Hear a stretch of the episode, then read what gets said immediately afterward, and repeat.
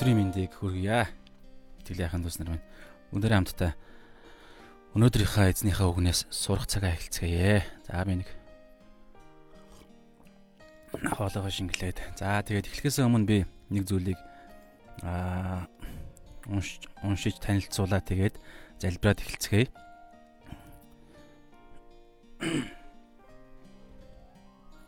За энэхүү лайв маань лавыга эхэндээ би бас энийг уншаад танилцуулаад явдаг байсан зүгээр гэсэн бодол байгаа. За та бүгд постын тайлбарыг анзаарж байгаа бол тий бор хоолны төлөө гэсэн нэртэй юм чимээгүү цаг байна. За тэгээ өнөөдрийн маань хэсэг болохоор Матай 5-ын 21-с 26 дугаар ишлэлээр бүгдээр хамтдаа эзнийхээ үгийг сонсож оюун бодлоо шинчлэх тэр цагийг гаргая. Тэгээд зүрх сэтгэл рүү ханддаг. За тэгээд а энэ хөө Facebook live маань зорилго болохоор бичээсээр өдөр болгон хооллож сурахын тулд өдөр энэ бүгдийг хийхэд хөвшиж дадал болгохын тулд явж байна. За тэгээд үйл явцаа бодтойр нь шууд амжуулж байгаа учраас аа элдв янзын те зарим зүйлс дээр алдаатай оноотой зүйл байвал та нар ойлгоорой. За тэгээд библигүй үедээ ч гэсэн дахиад эргээд харахад одоо энэ дэлгэцэн дээр хажуу талд нь эзний үг давхар явж байгаа учраас бас хэрэгтэй байна. Тэгээд эргээд санах санахад бас те яг энэ хэсгээр эргээд үцхэд. За тэгээд гол анхааруулах гэдэг зүйл маань энэ хүү одоо энэ лайв маань ингээ явхад те хэрв танд ойлгохдохгүй зүйл байвал танд хитрхийг хүнд байвал те эсвэл танд нийцэхгүй таны үзэл бодолд нийцэхгүй ихтгэлд чинь нийцэхгүй зүйл байвал танд сонсохгүй байх үзэхгүй байх бүрэн их эрх нь бол танд байгаа шүү гэдгийг аль би усаар хэлье.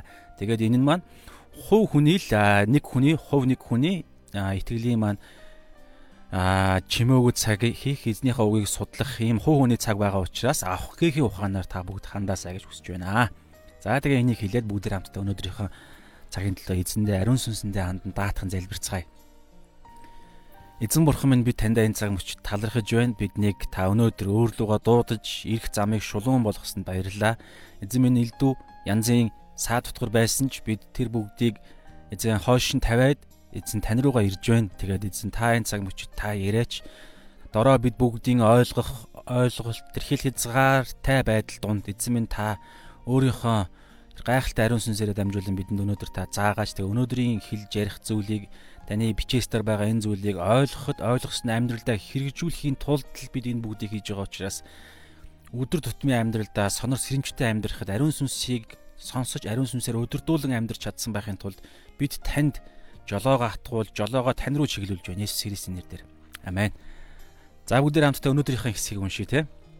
За Эхлээд бүгдээрээ өчигдөр юу боллоо нэг товчхон хараах юм. За өчигдөр маань нэлээ а хүнд гэж хэлж болохоор хүнд юм шиг боловч маш чухал нэг ойлголтыг бүгдээрээ ойлгох гэж хичээсэн тодорхой хэмжээнд. Тэгээд дутуу зүйл олон байгаа, буруу ч юм уу те дутуу илэрхийлсэн зүйлсүүд ч олон байгаа байх. Гэхдээ ерөнхийдөө юу илэрхийлсэн бэ гэхээр Есүс хуучин гэрээний бүх хуйлууд бүх хүний шаарддаг, бурхны шаарддаг, хуулийн шаарддаг зүйлсийг хүн бид нар ерөөсөө ямар ч чадах биелүүлэх ямар ч боломжгүй боловч Есүс Христ цор ганц гимгүү хүн болсон мөн бурхан 100% бурхан болох Есүс Христ энэ дэлхий дээр ирээд хуулийн шаарддаг зүйл болох те.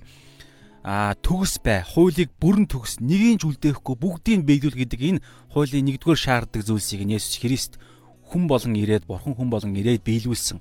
Хоёрдугаарт биелүүлээгүй бусад хүмүүс болох бид нарын ирээдүйд төрөх бүх хүмүүсүүдийн биелүүлээгүй хүмүүсүүд хүмүүсүүдээс хууль юу шаарддаг вэ гэхээр биелүүлээгүй бол нэгийг нь ч гэсэн аа биелүүлээгүй бол бүгдийг нь биелүүлээгүйтэй адилхан гэж бид нар унссан те Ром номон дээр. Тэгэхээр тийм учраас хууль юу шаарддаг вэ гэхээр заавал үхэх ёстой гэж шаарддаг. Нүглийн хөлс бол үхэл гэж.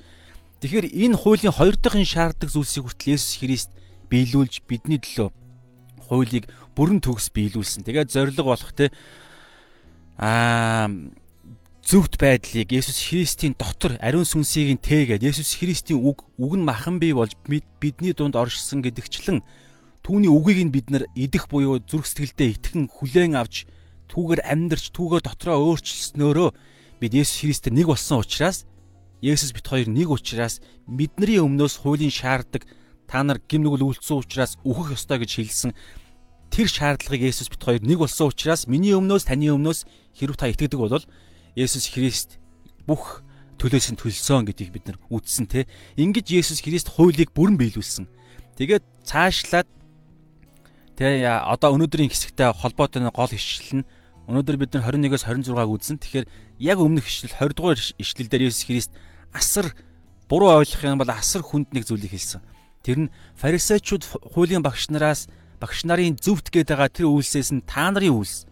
Есүс миний дотор байгаа, миний сүнс та нарын дотор байгаа гэж байгаа. Та нар эдгээр хүмүүсүүдийн үйлсээс гаднах тэр зөвхт байдлаас нь илүү гарахгүй юм бол та нарын зөвхт байдал сайн үйлс чинь илүү гарахгүй юм бол та нар Тэнгэрийн хаанчлалд орохгүй буюу аврал та нарт байхгүй байна гэдгийг хэлсэн. За тэгээд эндээс цаашаа бүгдээр явъя. Өнөөдрийн хэсэг. Тэгэхээр фарисеучуудын үйлс, хуучин хуулийн багш нарын үйлсээс бидний сайн үйлс хэрхэн яаж илүү гарах юм? Яаж яг тэр илүүгээд байгаа нь юугаараа илүү юм гэдгийг өнөөдөр бүгдээрээ үзнэ. Өнөөдрөөс хойш үзнэ гэсэн. Тэгэхээр бүгдээрээ та бүгд мэдж байгаачлан Матай 5-аас эхлээд Матай 7 дуустал энэ гурван бүлэг дээр Есүс Христийн уулан дээрх сургаал буюу Есүс Христийн үйлчлэлийн хамгийн эхний амаанын сургасан сургаалууд хамгийн эхний номлолын цаг, эхний сургаалын цаг хаанчлалынх нь хамгийн суур ойлголтыг Есүс Христ ярьж явж байгаа гэсэн үг шүү. Тэгэхээр одоо хаанчлалын хүмүүсүүд зөвхт байдлаараа бүр хуучин гэрээний тэр шаардлагаас илүү давсан зөвхт байдлыг хэрхэн яаж хийх юм бэ?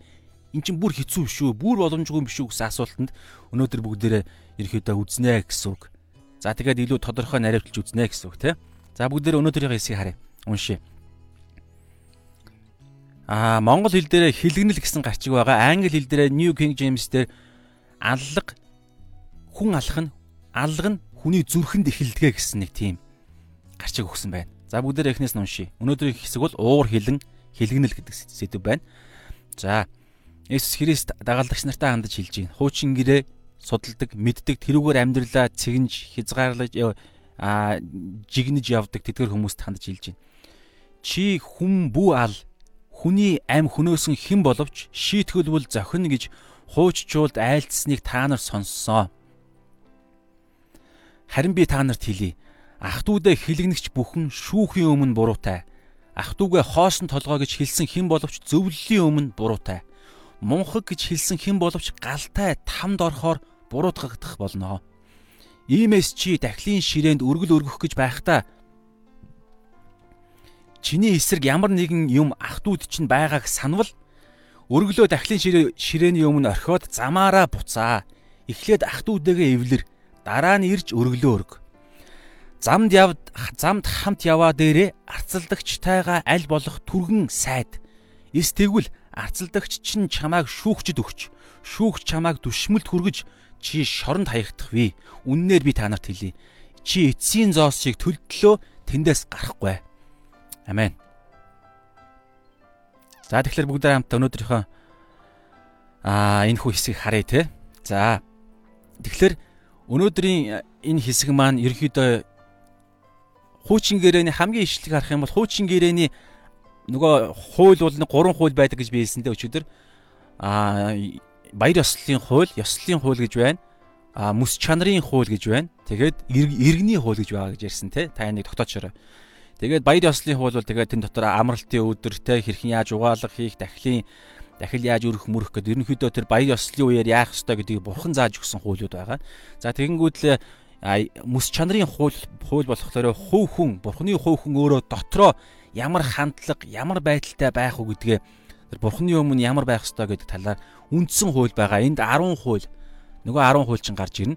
За тэгэнгүүтлээ а иргэний хууль ихээр тэр дотроо хамаг юма хянж яваа тэр хувь хүн маань өөрөө бусдтай яаж харилцах гэдэг дээр асар их хууль байгаа. Маш нарийн янз бүрийн зүйлсүүд тухайн Израилийн цаг үед тохирсон бүр ингээд жижигхэн бүр наривчсан хуулиуд байгаа. За эдгээр бүх хуулиуд бол Есүсийн дотор бүрэн биелүүлсэн мөн бид нар өнөөдөр хариу үндэстэн бидний дотор хүртэл тэдгээр тэдгээр хуулиудыг бид нар Есүсээр дамжуулан биелүүлсэн гэдэг санааг өчигдөр бид нар үтсэн шүү. За тэгэхээр өнөөдөр эдгээрээс нэг хуулийг гаргаж ирээд Есүс танилцуулж байна. За энийг бүгдээрээ анзаарахтаа ингэж анзаараарай. Анзаарай бүгдээрээ. Энэ хуулийг эхлээд хуучин гэрээний хуулийг хэлж байгаа. За энэ хуулийг Матай яг бидний өчигдрийн үтсэн багц ишлэлийн хамгийн сүүлийн ишлэл болох одоо өнөөдөр үзэж байгаа ишлэлийн өмнөх ишлэл Матай 5:20 дээр хардаа ингэсэн байгаа шүү дээ. Нэг дагалдагч нар Есүс Христэд итгэдэг итгэгч нар өнөөдөр бидний гаднах зөвхт байдал зөвхт байдал сайн үйлс маань одоо энэ хуулийн багш фарисеучудаас илүү гарах ёстой гэж байгаа байхгүй. тэрийг яаж илүү гарахыг одоо бид нар яг Есүс Христ илүү дэлгэрэнгүй зааж эхлэх гэж байна. Тэгээ би өчтөр хэлсэнтэй фарисеучуд хуулийн багш нар асар өндөр зөвхт байдал нь асар өндөр байсан шүү. Тэд нар хараа өдөр болгон Библиэс судалж хэрхэн яаж амьдрахыг судалж бусдад зааж өдөр болгон мацаг барьж өдөр болгон магтан дуудуулж залбирч номлолоо хийж өнөөдрийн бидний бүтэнсээ өдөр хийдэг бүтэн цагийн үйлчлэгч нарын хийдэг пастор ахлагч нараа бүтэн цагийн үйлчлэгч нарын бүгдийн хийдэг бүх зүйлийг бүр хэд дахин илүүгээр тэгээ бүр чээжилж бүр хэд дахин илүүгээр хуулийн багш фарисеучуд үйлддэг байсан гэж байгаа. Тэрнээс илүү гарах юм ярьж байгаа шүү хахын дүүс намын. Тэгэхээр өнөөдөр бид нар хардаа бүтэн цагийн үйлчлэгч нар те номлогч нар пастор ахлагчдараасаа бидний зөвхт байдал илүү гарах юм яриад байна шүү. Пастор ахлагч нартаа ахлагч нарт ч гэсэн хандж хэлж байгаа. Юу гэхээр бүх итгэгч хүн л бол Есүс Христийн дотор амьдарж байгаа Есүс Христийн нэгүслээр аврагдсан итгэгч хүн болвол хуулийн багш фарисеучудаас гаднах зөвхт байдал нь илүү байх юм ярьж байна. Тэгэхээр энэ асар ойлгомжгүй асар хүнд юм уу нь ярьж байгаа. За тэгээд яагаад ийм илүү байх боломжтой болж байгаа юм бэ гэдгийг одоо тайлбарлана. За тэгээд үүний тулд хамгийн ихнийхээ ишлэлдэр Есүс Христ 10 хуулийн нөгөө мэс чанарын хуулийн 6 оноо 5 дугаарт байгаа хүн бууаал гэдэг хуулийг гаргаж ирээд энэ дээр одоо ярилцах гэж байна. Энэ бол фарисеучуд хуулийн багш нарын заадаг нөгөө зөвхт байдал нь гаднах байдал нь. За бүгдээр уншия. Чи хүн буал хүний аим хөнөөсөн хэн боловч шийтгүүлбэл зохин буюу. За бүгдээрээ нараа гитлэл 20-ын 13 дид хууль 5-ын 17 дээр нэг санаа хэлж байгаа. Би тэр нь уншаадах гялс амархаа энэ. Гитлэл Египтээс гарсан 20-ын 13 дээр чи хүн буал гэдэг 10 10 үндсэн хуулийн 6 5 6 дээр нь байгаа. Тэгээд дид хууль 5.17 дээр бас яг энийг шууд яг энийг давтаж 40 жилийн дараа цөлөн цөлөөр хэрэг хинүүжилж байсан шинэ үеийнхэндээ нөгөө эхний үеийн Египтээс гарсан эхний хүмүүс бүгд үхээд шинэ үе гарч ирэхэд шинэ үеийнхэнд 10 хуулийг дахиж танилцуулахдаа энийг давтсан байгаа. Ерөнхийдөө яг адилхан гэсэн үг. Тэгэхээр ингэж хуучин гэрээ ингэж хэлсэн байна. Энэ хуулийг тэгээд энэ хуулийг хэлсэн. Тэгээ энэ хуулийг зөрчих юм бол яахыг бас хардаа. Гэтэл 21-ийнхаа 12 дээр юу гэж байна? Гэтэл 21-ийн 12, Левит 24-ийн 17, Тоолог 35-ийн 30-аас 31 дээр ерөнхий нэг санаа хэлж байгаа. Гэхдээ жоохон жоохон зарим зүйлсүүд нь нэмэлттэй, зарим зүйлсүүд нь жоохон дэлгэрэнгүй байгаа. Юу гэж хэлж ийнэ гэхээр түрүү хэлсэнтэй чи хүн буаал гэж хэлсэн. Тэгээ хэрэг хүн алах юм бол ямар шийтгэл байна вэ? Хууль ингэж ийм зүйл шаарддаг. Гэтэл 21-ийн 12 дээр хүн зохиод тэр нь өхвөл зогсон хүн нь алуулах ёстой. Бурхны амбигийн хууль дээр ийм байна. За тэгэнгүүтлээ Левит 24-ийн 17 дээр ингэж байна. Альва хүмүүний амийг хин нэг нь хороох аваас үхэх ёстой. Бурхны хэлж байгаа хууль.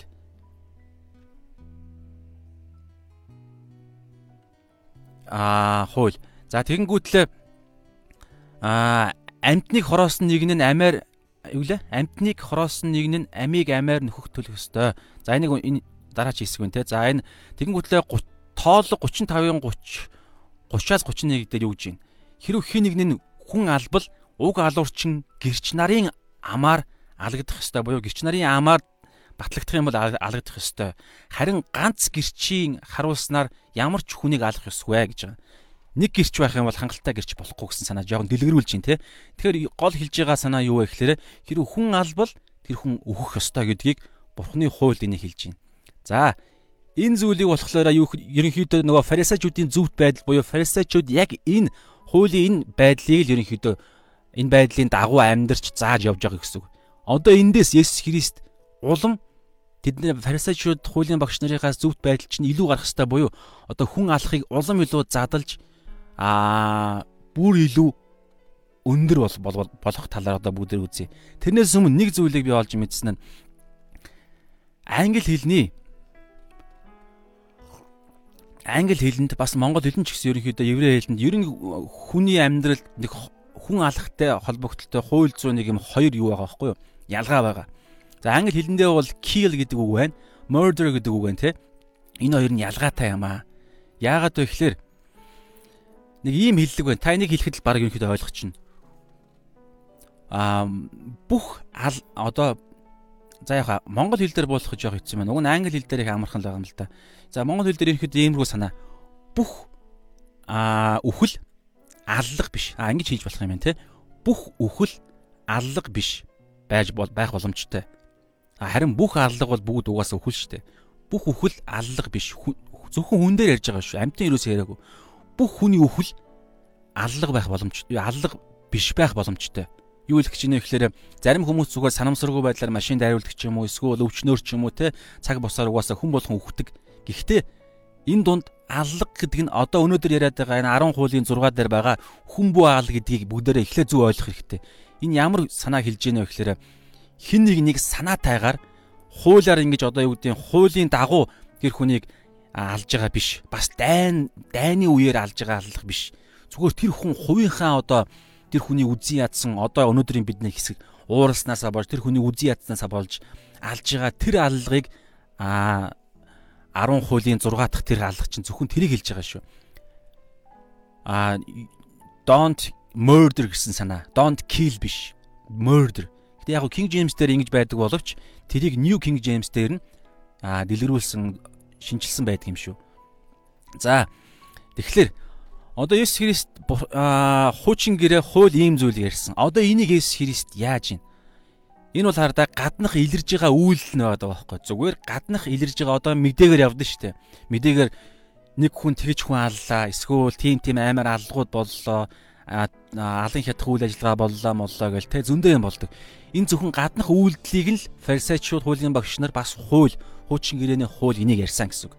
Одоо Есүс Христ энийг улам илүү задлах гэж задал зааж байна. За бүгд 22-ыг уншия. Харин би та нарт хэлий. Ах дүүдээ хилэгнэгч бүхэн шүүхийн өмнө буруутай. За бүгдээр ингэ харъя л да. 22-ыг харъя. Одоо харда ингэж байгаа шүү.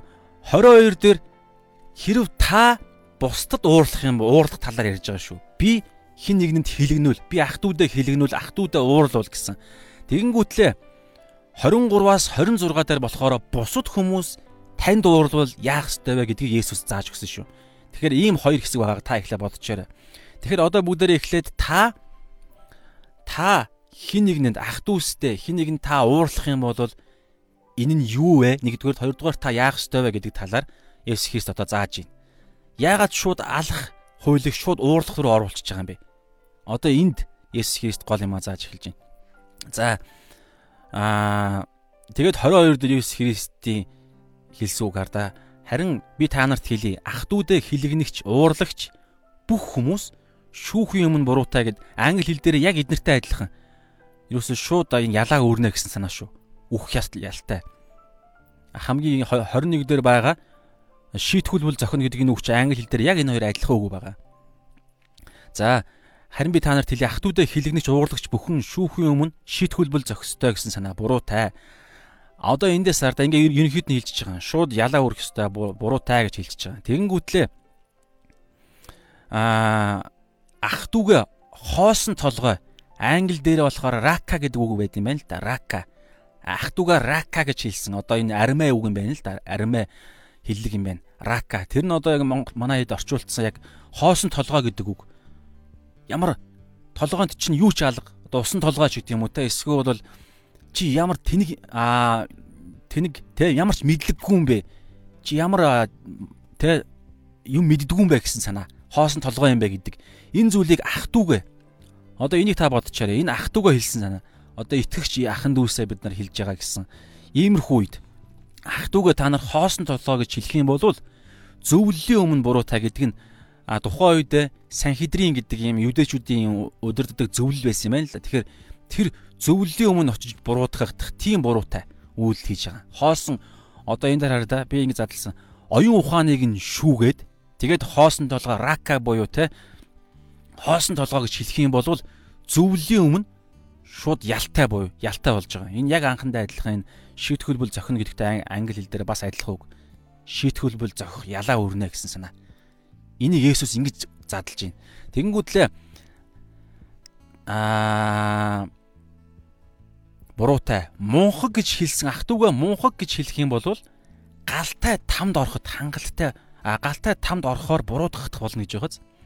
Би нэг ах トゥ угаа мунхаг гэж хэлэх юм бол тэнэг мунхаг гэж би хэлэх юм бол би тэр хүний одоо оюун ухаанаас нь илүү цаашлаад бүр тэр хүний зан чанарыг нь би шүүжин гэсэн үг байхгүй. Зан чанарыг нь би шүүгээд энэ бол үнэхээр тэнэг мулгуу хүн, мунхаг хүн гэж би хэлж байгаа нь би өөрөө шууд аа галтай тамд орохоор ялтай буюу одоо Есүсийн энэ харьцуулж байгаа санаа нь хүн алсантай яг адилхан гэж хэлж байна. Би ах би зүрхэндээ ахтуудаа би уурлах юм бол би ахтуугаа алхахад хүргэнэ хүргэх аюултай тэр гişүг аюултай шүү гэдэг нэг талаараа хэлж байгаа боловч Есүсийн хэлж байгаа шууд санаа нь ууралж байгаа нь тэр хүнийг зүрхэндээ үзий ядж байгаа нь өөрөө хүн алж байгаа тэр гаднах хэлбэр хүн алж байгаатай нь яг адилхан тамд орох буруутай. Галтай тамд олох галтай тамд орохоор адилхан гим үйлдсэн гэдэг санааг өнөөдөр гаргаж хэлж байгаа. За ингэхээр ерөнхийдөө бол юу болж яаж юу болж хуурж ийнө гэхээр асар тийм одоо аюултай болж хуурж штэ ерөнхийдөө бол Есүс Христ тийм нэг зүйлийг яриад байна. За тэгэхээр чи яагаад ийм зүйл ярьж ийнө гэхээр Есүс Христ аа Матай 5-ын 20 дээр хэлсэн штэ. Та нар фарисеучуд хуулийн багш нарын сайн үйлгээд байгаа зүйлээс нь одоо тэр гаднахтай хүн баал гэж хэлж байгаа гаднах тэр хэлбрээс нь та нарын сайн үйл чинь илүү гарах буюу гаднах хүн алхаас бүр наан нь зүрхэндээ бодолдоо та нар тэр хүнийг эхлээд алах тэр үйлдэлийг хийчих юм бол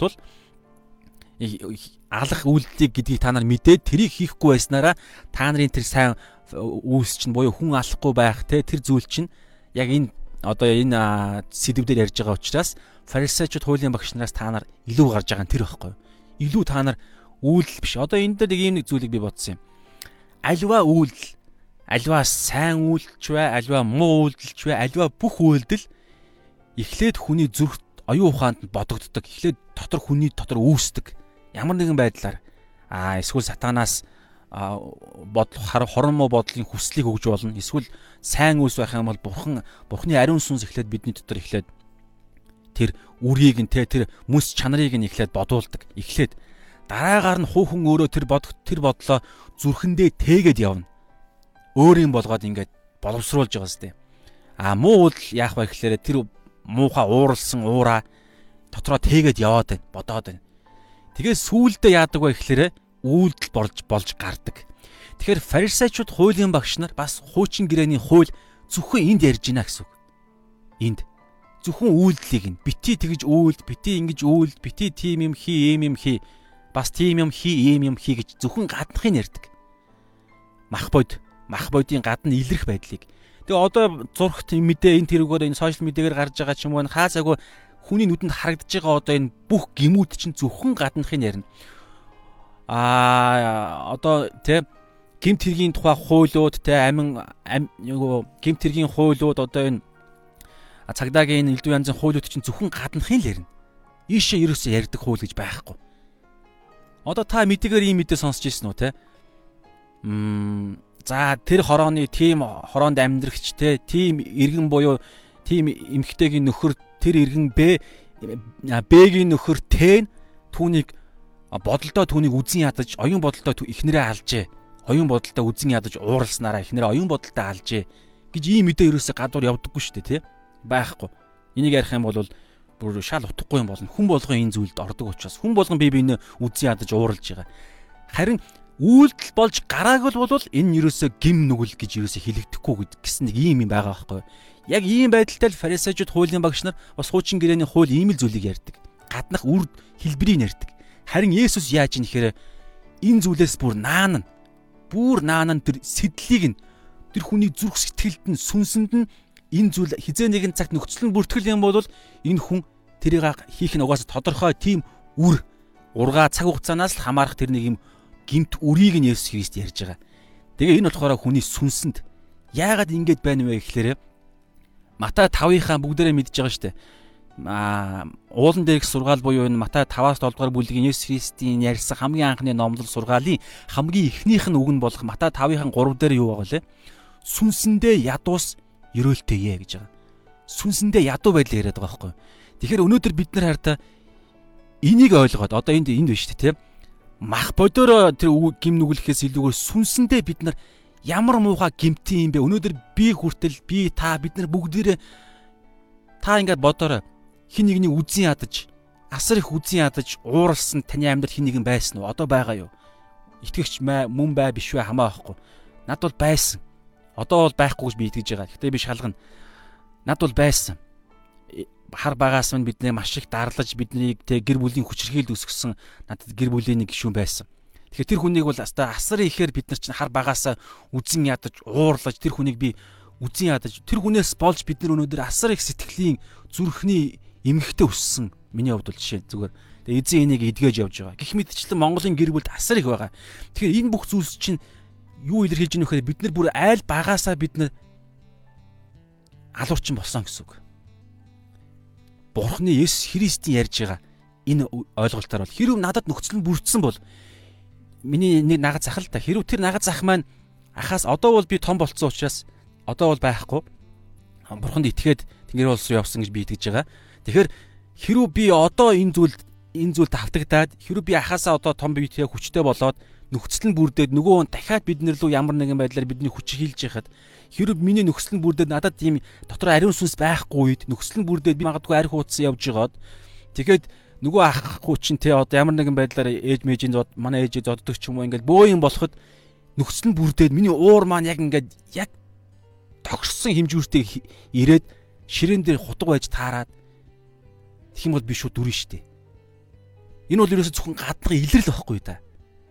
Харин эзний хэвэлээр би одоо эзэнд итгэж ариун сүнсээр би айл хэзээ шинчлэгдэж өөр хүн болж бусдыг үгүй ядах биш те бусдыг хайрлах бусдыг ойлгох бусдыг тэр зүйл би болсон. Гэхдээ одоо надаас өөр энэ дэлхий дээр зөндөө олон Монголд ч гэсэн зөндөө олон ийм аюултай нөхцөл байдал байгаа байхгүй. Тэгэхээр яг Есүс Христийн хэмжүүрээр буюу нөгөө фарисеучуудын гаднах илрэл биш бүр зүрх сэтгэлдээ хүн зөвхт байх гэдэг энэ зүйлийг ярьж байгаа Тэнгэрийн хаанчлал Есүс Христийн бий болгож байгаа энэ Тэнгэрийн хаанчлалыг чинь үндсэн хуулийнхын тэр хэмжүүр нь гаднах биш зүрхийг яриад байгаа байхгүй зүрх болон сүнсэндээ. Тэгэхээр гаднаа бид нар мундаг цуглаанд үйлчлээд гой гой юм сургаад бие биендээ хайртай шүү гэж шилдэг гэж болно. Гэхдээ хайртай шүү гэж шилчээд эргэж хараад нөгөө хүндээ за нөгөө баялаар үзий яддаг хүндээ яалтчгүй хайртай гэд хэлүүлчлээ шүү одоо энэ номлогч энэ магтаалын цагаар ч юм уу те гэхдээ л бид энэ дург өрөөд байгаа энтэй би харьцахгүй гэж явж байгаа бид нар зөндөө ахын дүүс нар маань байгаа шүү дээ. Тэгэхээр бид нар яаж ийн? Өнөөдөр бид нар Тэнгэрийн хаанчлалынхаа тэр бас ариун сүнсний биднээс хүсэж байгаа Тэнгэрийн Есүс Христийн тэр хүсэж байгаа тэр хэмжүүд бид нар хүрхгүй байгаа даа байхгүй. Тэгэхээр ийм зүйлийг Есүс Христ ярьж байна гэсэн үг. За энэ болохоор эхнийх нь бид нар бусдад уурлахтаа яах вэ гэдгийг ярьж байна. Шууд ялтаа гэдгээ бид нар ойлгоо. Тэгэд одоо тэгэд яах юм гэхлээр бид нар шууд бурхан руу хандах байхгүй. Энэ дандаа хүний зүрх сэтгэл сүнсэнд одоо энд те сүнсэнд бодолд хүний зүрхэнд болж байгаа учраас ийм байгаа бидэнд эхлээд ойлгож мэдээд улаа. Та би хүн алаад байна. Гимтэн байна яг. Хэрв та хин нэгэнд уурлаад тэгээ тэр хүнийг тэг хин хүн зүрхэндээ уурлаад би одоо тэр хүнийг шүүгээд оюун бодлыг шүүгээд энэ бол өстой шаал тэнэг амт молгоо гэж хэлж байгаа бол хилцэн байгаа зү.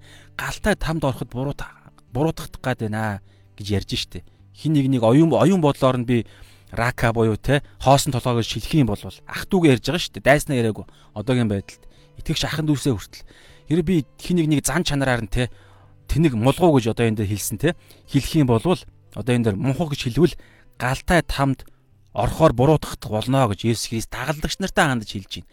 Фарисеучудад биш. Тэгээд тэднэрд юу гэж хэлж байна? Фарисеучудаас та нарын үйлс илүү байх ёстой буюу та нар хүн алаагүй болохоор та нар а гим үйлдэггүй гэж явж байна. Наадах чинь зүйт байдал биш ээ. Энэ бол зөвхөн илэрлэн. Фарисеучуд ийм л юм яриад байгаа юм. Харин миний ярьж байгаа бол та нар хүн алах тэр сэтэл буюу хамгийн анхны тэр уур үзийн ядалт.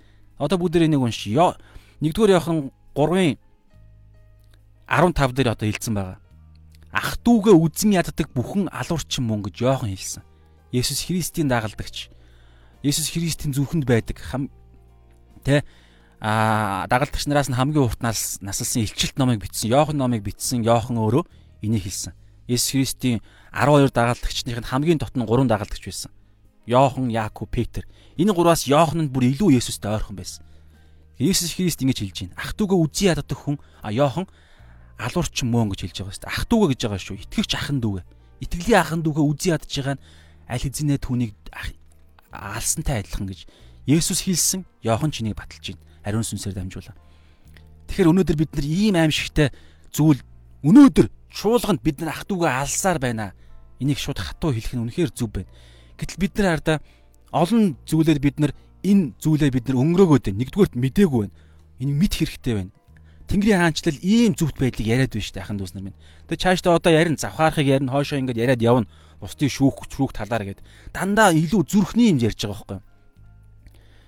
Аа тэгээд одоо хоёр дахь хэсэг нь түрүүн эхлээд эхний хэсэг нь болохоор бид нар бусдад уурлахаараа үзэн ятахаараа бид нар юу хэн болж байгааг бас ямар аюултай зүйлд орж байгаа гэдгийг ярьсан. Одоо хоёрдугаарт нь Есүс Христ нэг хоёр жишээг татсан байна бүгдээрээ 23-аас 26 дээр байгаа. 23-аас 26 дээр хэрвээ бусад хүмүүс танд бусад хүмүүс дотроо 23-аас 24 дээр нь ах дүүс чинь буюу итгэлийн ах дүүс чинь танд уурлах юм бол а 25-аас 26 дээр итгэлийн ч биш дайсан гэж байгаа байхгүй юу. Одоо энэ дээр хацалдаг дагч гэж байгаа боловч англи хэл дээр adversary те enemy дайсан гэж байгаа. Дайсан. Үл итгэгч хүмүүс хүртэл. Бүр тэр отгаа те бусад гаж урсгалынхан эсвэл бусад шашны ислам бөөмө ялгаа байхгүй ах нь итгэлийн ахын дүүснээс өөр хүмүүс хүртэл танд уурлахад бид нар яах ёстой вэ гэдэг зүйлийг одоо эзэн бид нар зааж байна. Нөгөө зөвхт байдал фарисеучудаас илүү байх зөвхт байдлыг одоо яриад байна шүү дээ. Фарисеучуд бол иймэрхүү юм ярихгүй. Тэд нар юу ярина гэж чи хүн алахгүй бол наад бусад зүйл нь бол болно хамаа байхгүй. Энийг хуульд ийм зүйл ярьдаггүй гэж ярьж байгаа байхгүй хүн алхахтай. Харин Есүс юу яаж нөхөр гаднах тэр хүн алхахыг чинь наана нь эхлээд хүний зүрхэнд аль хэзээ аллах нь бий болд юм аа. Тэрийг одоо ингэж ихний байдлаар бид нар а бусдад хоёрдугаарт нь одоо бусад хүмүүс надад уурлах үед яах вэ гэдэг дээр бүгд уншия. За 23 дээр иймээс чи дахлын ширээнд өргөл өргөх гэж байхдаа чиний эсрэг ямар нэгэн юм ах トゥ уд чинь байгааг санвал одоо энэ тардаа бодлын төвшөнд мэдрэмжийн төвшөнд ярьж байгаа шүү. Итгэлийн ахын дүүс та итгэл итгэлийн ахын дус чуулгантай нөхрөл дээр бид нар ийм зүйлийг маш их мэдэрдэг. Энэ бол дандаа хардаа ариун сүнсний мэдрүүлээд байгаа нөгөө зөвхт байдал, нөгөө нэг Тэнгэрийн хаанчлалын зөвхт байдлыг илэрлэн байхгүй да. Өргөлөө дахлын ширээний өмнө орхиод замаараа буцаад эхлээд ах дүүтэйгээ буюу итгэлийн ах дүүтэйгээ эвлэр дараа нь ирж өргөлөө өрг буюу мөрүүл хүндэтгэл нөгөө нэг үйлчлэлээ хий гэсэн санаа. За Иймээс чи дахлын ширээнд өргөл өрөхтэй те яг эзний өмнө залбирах гэж байгаа бол эзэн рүү хандах гэж байгаа бол те ирэх гэж байгаа бол наан нь ариун сүнс сануулдаг. Та сайн сонсох юм бол бүтэнсээ өдөр та мөргөл өрөхгөө чуулган руу явж явахдаа өглөө босохдоо ч юм уу урд өдөр нь ч юм уу эсвэл хаалгаар орохдоо танд ариун сүснийг юм сануулна. Энэ хаалгаар орох жоход энэ хаалганы дотор байгаа атгэлийн ахан дүүс нь буюу ахан дүүс дунд чинь ямар нэгэн надтай асуудалтай хүмүүс бол санагдана. Яна тэр хүнтэй таарчих үедээ энэ хүн өчигдөр би ингээ хэлсэн. Энэ хүнийг би ингээд шүүтсэн мүүцэн гэ зөндөө юм бодогдно. Тэд нар чи ариун сүнс танд бодуулж байгаа. Зорилго нь юу юм? Одоо хэлж штэ. Иймээс чи дахлын ширээнд өргөл өрөх гэж байхдаа чиний эсрэг ямар нэгэн зүйл ахтууд чинь байгаа санавал. Одоо би ингээд орохдоо те эсвэл би ингээд мөргөл өрөхгүй явж байхдаа бүтэн өдөр хин нэг нь хин нэгнийг би би гомдоцсон юм шиг. Би хин нэгэнд гомдсон юм чи ихний хэсэг шүү. Ихний хэсэг ярьцсан би хин нэгэнд гомдож хин нэгэнд би ууралж байгаа бол би тэр хүнийг алдчих гинэ гэсэн санааг ярьсан шүү дээ. Аль эзэнэ алдсан гэсэн. Тийм учраас эн чинь шууд энэ үед яах вэ гэхээр бид нар эзэн рүү ханд эзэн биднийг уучлж байгаа. Тэгээд тэр хүнийг би шууд зүрхэндээ үдэн ядж байгаа бол зүрхэндээ би уучлаад шууд тэр хүнийг уучлах хэрэгтэй. Хэрвээ хин нэгэн намаа гомдоосон бол одоо болохоор юу ярьж байна? Хин нэгэн хүнийг би гомдоосон бол за энэ бол асар олон юм яригд асар олон зүйлсүүд маш чухал зүйлсүүд болж байгаа шүү хин нэгэн үнийг би гомдоосноо та ариун сүнс танд сануулна. Хэрв та ах дүүс ах дүүс буюу Есүс Христийн нэрээр нэгдэж ах トゥ болсон бол Христ Бурхны өв залгамжлагч нар болсон бол таны дотор ариун сүнс байгаа учраас ариун сүнс чинь танд сануулна. Хин нэгнийг би гомдоодсон. Хин нэгэн миний эсрэг нэг юм тэгэ явж байгаа гэсэн бодол танд байгаа. Тэр бодол чинь төрөх үед яах вэ? Одоо юу гэж байна? Мөргөл хүндэтгэл залбирлаа шууд цогсоогоод мессеж бич. Эсвэл шууд утаст. Эсвэл хэцүү учраас ихэвчлэн тэг хэцүү учраас бид нар мессеж бичиж болж байна. Шууд тэр дорой. Хардаа энд нэг маш чухал үг байгаа шүү. Аах дүүгээ 23 дээр иймээс чи дахлын ширээнд өргөл өргөх гэж байхдаа гэж өргөл өргөх гэж байхдаа яг тэр үедээ чиний эсрэг ямар нэг юм ах トゥ уд чинь байгааг яг тэр үедээ өргөх гэж байхдаа санавал өргөлөө дахлын ширээний өмнө орхиод уг нь бурхан бит хоёр бурхан бит хоёр асуудалгүй шүү дээ Тэгээ бурхандаа өргөл өргөч мөрөглөө өргөч өргөчөө дараа нь шийдэе л да. Гэдэг юм бодол орж ирнэ угаасаа бид нар ингэж дандаа ингэж юмыг аа цалгардуурдаг учраас. Гэтэл Есүс юу ярьж байна? Иний цаана асар аюултай зүйл хүн алах алах зүйл чинь нэг хам сэдв штэ. Би тэр хүнийг баг тэр хүн ч үхэж байгаа байхгүй юу? Эсвэл би бас үхэж байгаа. Тэр хүн үхэж байгаа. Тэр хүнийг би гомдооснороо тэр хүн минь надад дуурлаад байна дээ. Тэр хүн бас үхэх гээд байгаа байхгүй. Тэгэхээр ийм аюултай зүйл ярьж байгаа учраас тэр дороо хүний ам хүн үхэж байхад бид нар яадаг вэ? Шууд альва ямар ч юм хийж исэн, ямар ч автобус бид нар өөрийнхөө амьдралаараа замаараа алхаж исэн гэсэн тэр нэг хүн хүчээвэл шууд зогсоод бид нар тэр хүний амийг агуулахын төлөө цагдаа дууд юм уу, түргэн дууд юм уу, ямар нэгэн болдог үстэй. Хайртай энд одоо ах トゥ ярьж байгаа учраас хайртай хүн чинь ах トゥ чинь хайртай хүн чинь ихнэр чинь ээж чинь хүчээвэл бид нар ямар ч чухал ажил байсан тэр бол шууд хоёрдугаарт ордон шүү дээ.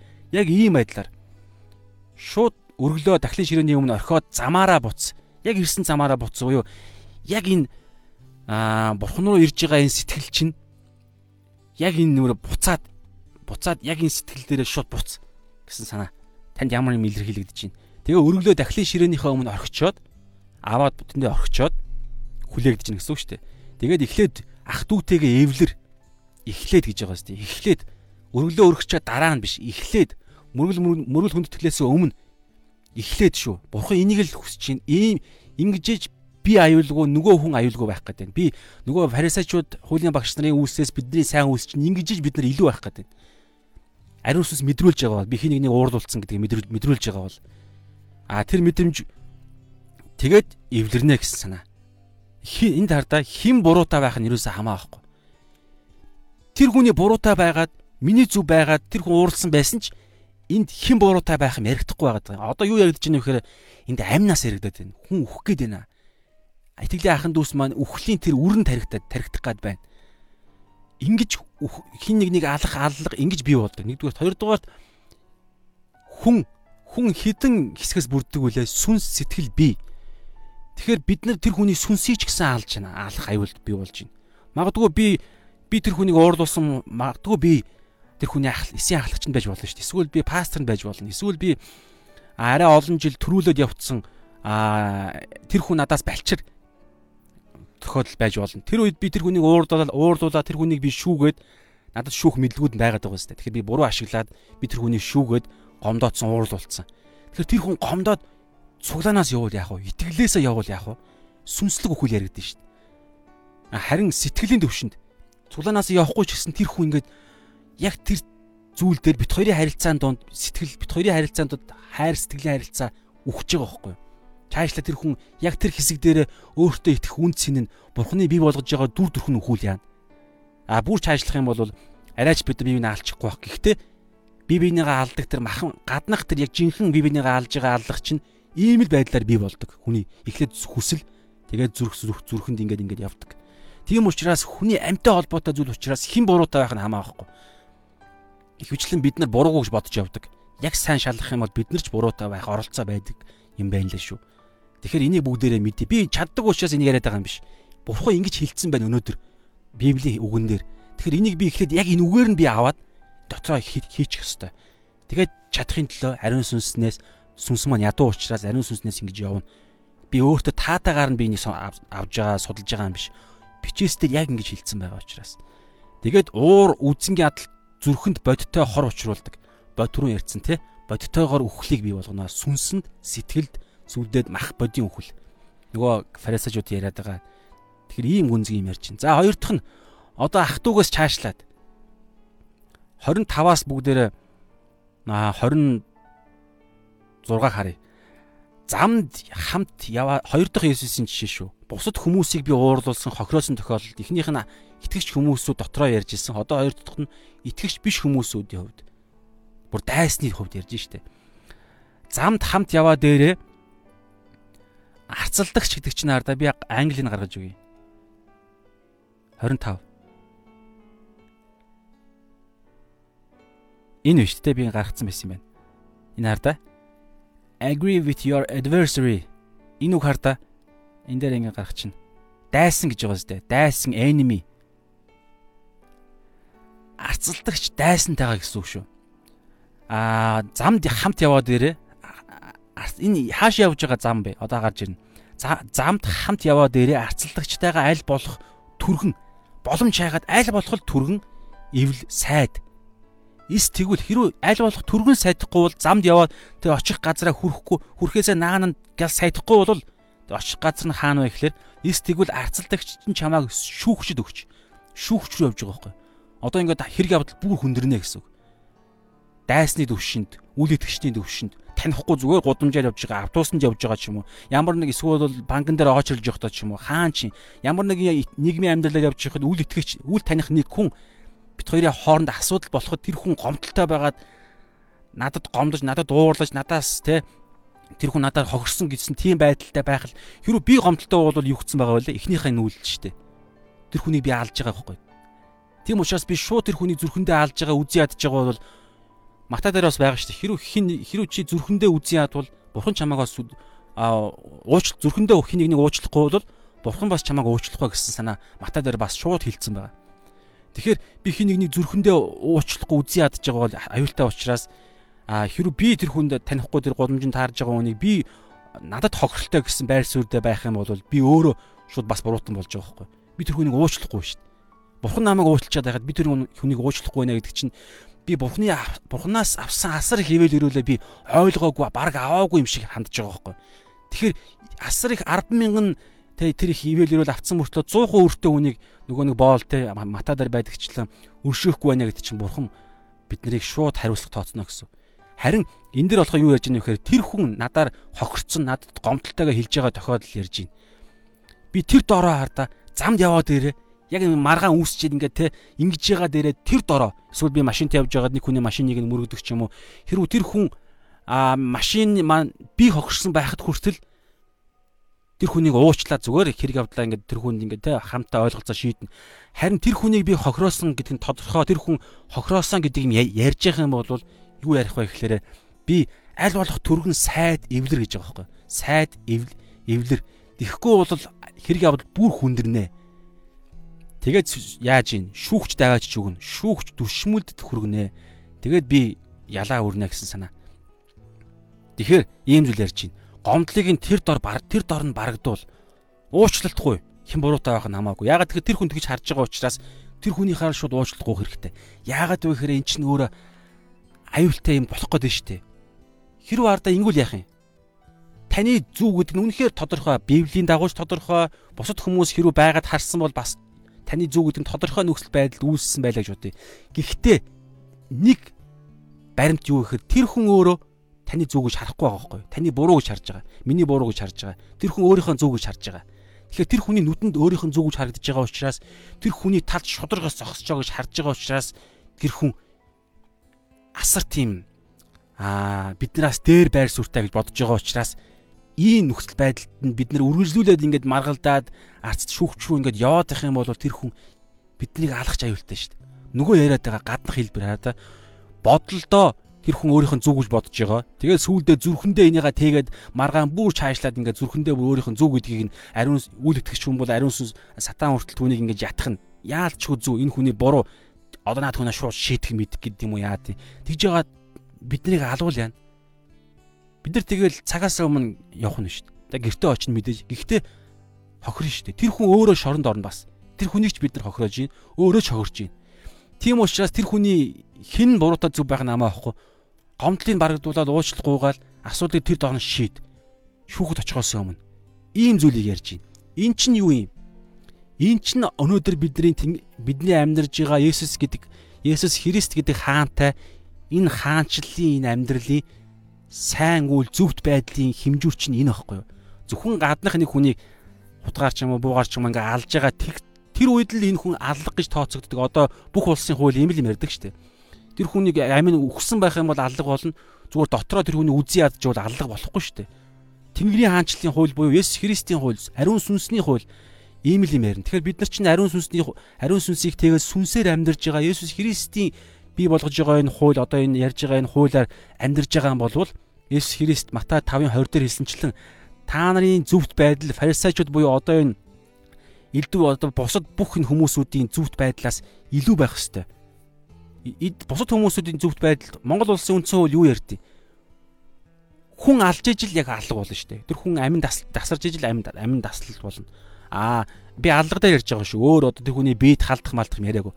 Амийг нь таслах юм ярьж байгаа. Тэгэхээр тэр хүн өхөөгүй байх юм бол тэр хүн яг алга болоогүй зүгээр босод зүйлсүүд бий болно. Бид нь халдсан, хүчинтсэн гэх те янз бүрийн зүйлс. Харин Есүс юу ярьж байна? Тэр хүнийг зүрхэндээ үзий ядж байгаа нь тэр хүний яг алсан гэж хэлж байгаа байхгүй. Тэгэхээр ийм бид нар хянамгаа. Тэгэхээр өдөр болгон бид нар зүрхээ зүрхээ сүнсээ хянаж шалгах ийм зүйлийг Есүс Христ ярьж шít. Ингэж өнөөдөр бид нар яг аврагдсан Тэнгэрийн хаанчлалын иргэн буюу та ингэж байж л та нар Тэнгэрийн хаанчлалд орно гэж байгаа юм байна. Тэгэхгүй бол та нар яавч орохгүй гэд Матай 5:20 дээр ярьж шít. Тэгэхээр ийм өндөр юм Есүс ярьж байгаа. Есүс өөрөө бас яг ингэж амьдарсан. Тэгэхээр яаж чадах юм бэ гэхээр эргээл бид нар Иесус Христийн хамгийн анхны сургаал сүнсэндээ Матай 5:3 дээр нөгөө 8 9 ерөөлтөй 9 бидний амьдралын хэмээгийн хамгийн анхных нь Тэнгэрийн хаанчлал руу орох хамгийн үүд нь сүнсэндээ би ямар муухай гимтэн дангаараа би ямар ч зүйлийг хийж чадахгүй дангаараа би бурхны хэмжүүрт хүрэх ямар ч боломжгүй гэдгээ ойлгоод нүү нүцгэн шалдан гимтэн гэдгээ хүлээн зөвшөөрөөд ядуу ядуу надад юу ч байхгүй гэдгийг хүлээн зөвшөөрөөд гуйлг гуйдаг, годомжин таардаг ядуустай адилхан юу ч байхгүй гэдгийг хүлээн зөвшөөрөх үед бурхан биднэрт өөр бурхан биднэрт өөрийнхөө харалдаа ядуус өрөөлтөө тэнгийн хаанчлал тэднийх гэж байгаа сте. Гашуудагсад өрөөлтөө тайвшрлыг авах болно. Тэгээд дэлхийг өвлөх болно. Бурханы хаанчлал тэднийх, бурхан тэд бурханы хөгүүд гэж нэрлэгдэх болно. Тэгэхээр чин бид нар энэ зүйлээ мэдэх үедээ сүнсэндээ сул дорой гэдгийг мэдэх үед бурхан бидэнд ариун сүнсээ өгнө. Тэгээд ариун сүнс чинь өөрөө автоматар ажилтдаг юм шиг байхгүй юу? Ариун сүнст бид нар бүрэн бууж өгж байгаа цагт л ариун сүнс өөрөө ажиллана гэж гэдэг. Би өөрөө бүрэн ариун сүнсээ та гэдэг юм. Ям тэгээд өнөөдөр бид нар энэ тэр тусмаа ямар үед ярьж байгаа гэхээр уурлах үедээ таны зөв байх буруу байх юм яриаггүй. Би хин нэгэнд уурлах юм бол би шууд хүн алж алах тэр үйлдэл рүү орж байгаа учраас шууд бууж өгч ариун сүнсэнд бууж өгч би гимээ улааж бурхны өмнө очино гэсэн. Тэгээд тэр хин нэг хин нэг хүнийг зүрхэндээ уурлаж зүрхэндээ үзий ядж байгаа бол би бурхан намайг эхлээд яг тийм муухай дорой ядуу байхад намайг уучлсан гэдгийг ойлгоод тэр хүнийг би уушлах хэвээр. Харин хин нэг нэг уурлуулах буюу 2 дугаар хэсэг 23-аас 26 дээр эхний хэсэг дээр нь би ах トゥ угаа итгэж ахын дүүсээ би уурлуулах юм бол шууд мөрөглөө мөргөл рүү явж байгаа бол зогсоогоод магтан дуу хийж байгаа бол та шууд зогсоогоод Магтан дугаа шууд зогсоогоод номлож байгаа шууд зогсоогоод тэр үедээ шууд тэр хүндээ уучлалдаг. Шууд тэр хүнтэйгээ эвлэр гэсэн санаа. Тэгжиж тэр хүнийхээ тэр хүнээ итгэлийн ахын дүүсээ бид нар аварна. Сүнсийг нь үхэхээс аварна. Чуулганаас явхаас, гомдохоос бит хоёрын хайрын харилцаа буюу сэтгэлийн үхлээс хамгаарна чаашлаад тэр магадгүй шүү дээ ийм сатан яаж тэр хүн яах юм бэлээ тэр хүн ч гэсэн амиа орлох юм уу яад юм бэ тийм зүйлд хүрэх магадaltaа ш тэндээс хамгаална гэсэн. Хоёрдугаарт нь хэрвээ босод хүмүүс надад дуурлах буюу дайсан үл итгэгчнэр танихгүй хүмүүс янз бүрийн хүмүүсүүд надад дуурлах юм бол би шууд эвлэрнэ. Хэн буруутай байх намаа аахгүй. Би шууд тэр хүний хүний гомдлыг барагдуулж асуудлыг шийдээд эвлэрэх хэвээр. Тэгжиж энэ асуудал чинь тэгжиж бидний тэр зөвхт байдал чинь энүүгээр харагдана гэдэг ийм хоёр зүйл ярьлаа. Тэгэхээр өнөөдрийн зүйлс маань ерөнхийдөө энэ байлаах нь үснэ мэн. Тэгээ бүгдээр хамтаа эргээд нэг ямар сэдвээр залбирах талаар бүгдээрээ бодоод тэгээд маргааш ямар хэсэг байгаа вэ гэхээр яг энэ фарисеучуд хуулийн багш нараас давуу байх энэ зөвхт байдлын яаж зөвхт байх байх вэ гэдэг талаар Есүс ингэж зааж явж байгаа. Эхнийх нь өнөөдөр энэ уур хилэн зүрхэнд уур хилэн болохоор зүрхэнд бий болоод тэгээд сүулдэ бүр үхэл хин нэг нэг алах гэдэг юм руу ордог гэсэн санаа ярьж байгаа шүү дээ. Тэгэхээр ийм уур хилэнгийг хилэн гэдэг тал дээр хүн алах гэдэг юм бүр уур хилэн болтол нь Иесус Христ ингэж босшийг өндөр болгож тэнцүү адилхан болгож байгаа байхгүй. Хүн алах нь уурлахтай адилхан гэдгийг бүр гаргаж ирж штэ зүрхэндээ уурлах. За тэгээд маргааш болохоор завхаарах гэдэг юм яа. Дахиад энтэй адилхаар да. Гаднах энэ үйлдэлийг юусоо нийгэмч ярьдаг. А фарисеучуд хуучин гэрэж гисэн гаднахыг яриад байгаа. Хин нэгэнтэй яг биеэрээ завхаарчаагүй бол завхаараагүй юм шиг. Харин Есүсийн завхаарах гэдэг энэ ойлголтыг маргааш бүгдээрээ үзнэ. За тэгээд бүгдээрээ хамтаа өнөөдөр хоёр сэдв бариад залбирая. Нэгдүгээрт нь би хин нэгэнд би өнөөдөр хин нэгэнд ууралсан тийм тохиолдол байна уу? Хин нэгнийг зүрхэндээ үзий ядж байгаа тохиолдол байна уу? Бодоод явж байгаа тохиолдол байна уу? Тийм бол яг одоо эзэн минь та энэ цагаас эхлээд магадгүй энийг дуусгаад явсны дараагаар энэ бичлэг дууссан дууссны дараа ч гэсэн ариун сүнс та бодуулж өгөөч. Дамаа эзэн дээр очихоос өмнө тэ тэр дороо бодуулж өгөөч. Тэгээд цааш нь эзэн өрөөлөх гээд байна шүү дээ. Асуудлаа шийдчих юм бол эзэн дахиад өрөөлөх гээд байна. Бидний дараагийн төвшөнд гарах гээд байна. Тэм учраас бүгдээр хин нэг нэг хин нэгэнд би хин нэгэнд ууралсан бол хин нэгний үзий ядсан бол хин нэгэнд гомдсон бол тэр хүнийг шууд уучлаа. Эхнийх нь. Хоёр дахь залбирал юу гэхээр бүгдээрээ бод ариун сүнс сануулна.